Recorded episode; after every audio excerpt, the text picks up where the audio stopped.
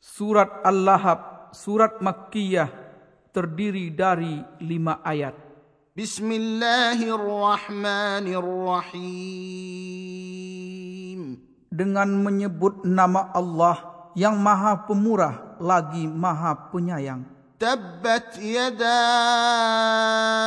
ابي لهب وتب Binasalah kedua tangan Abu Lahab dan sesungguhnya dia akan binasa. ما اغنى عنه ماله وما كسب Tidaklah berpaedah kepadanya harta bendanya dan apa yang ia usahakan. سيصلى نارا ذات لهب Kelak dia akan masuk ke dalam api yang bergejolak. وامراته حماله الحطب Dan begitu pula istrinya, pembawa kayu bakar.